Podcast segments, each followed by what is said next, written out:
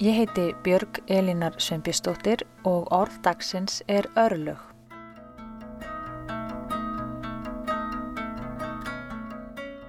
Framtíðin er best geimta leindarmálið á markaðnum.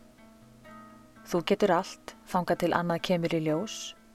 Þér eru allir vegir færir. Í rauninni er það eina sem stendur í vegi fyrir þér, lífsins láni og lukku, þitt eigið hugarfar. Þú ert kraftaverk með komplex.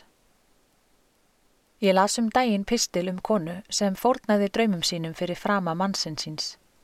Hún heldi sínum lífselegsýr yfir hann sem gerði honum klift að vaksa en sjálf náði hún aldrei fótfestu. Þegar talið barsta lífslaupi hennar var minnst á örlög.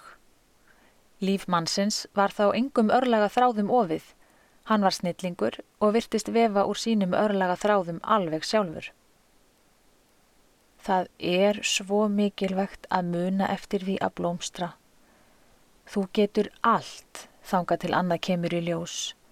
Þér eru allir vegir færir. Í rauninni er það eina sem stendur í vegi fyrir þér, lífsins láni og lukku, þitt eigið hugarfar. Þú ert kraftaverk með komplex. Þegar bergmál nýfrjálsíkunar þagnar hefur örlaga kórin upp raust sína.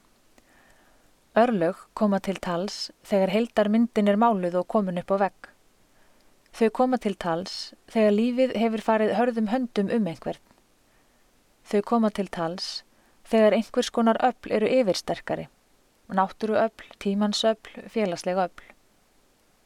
Örlög koma til tals þegar einhver mætir mikill í ílsku, mótlæti eða ítrekuðu óreittlæti.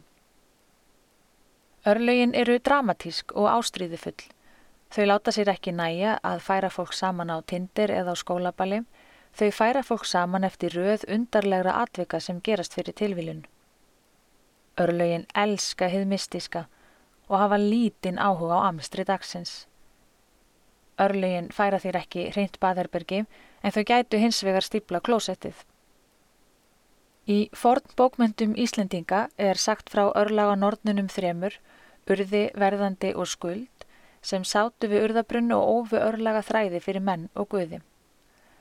Örlögin voru sam ofin úr fortíð, nútíð og framtíð. Gildi fortíðarinnar var mikill. Án hennar var engin nútíð og auðvitað engin framtíð.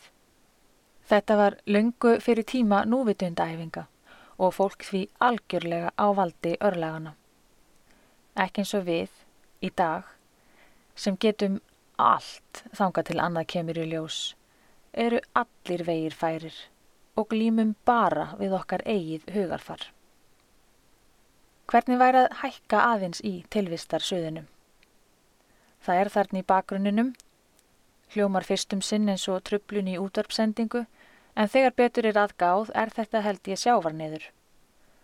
Það er þarna vannmáttur, lífsorka, ímis óþægindi og allt litróf tilfinningana og það ómar hvað hæst á tímum heims faraldurs.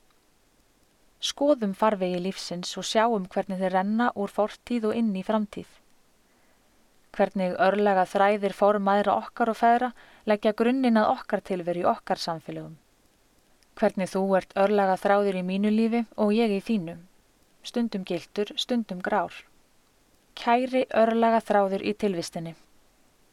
Ég ætla að leifa mér að segja án allra neðanmálskreina að núið er markasbrella og hugarfærið þitt er ekki vandamálið. Veistu hverjir eru þekktir fyrir að lifa í núinu fyrir utan bútista? Gullfiskar. Örlög, fyrirfram ákveðin atbyrður eða lífslöp.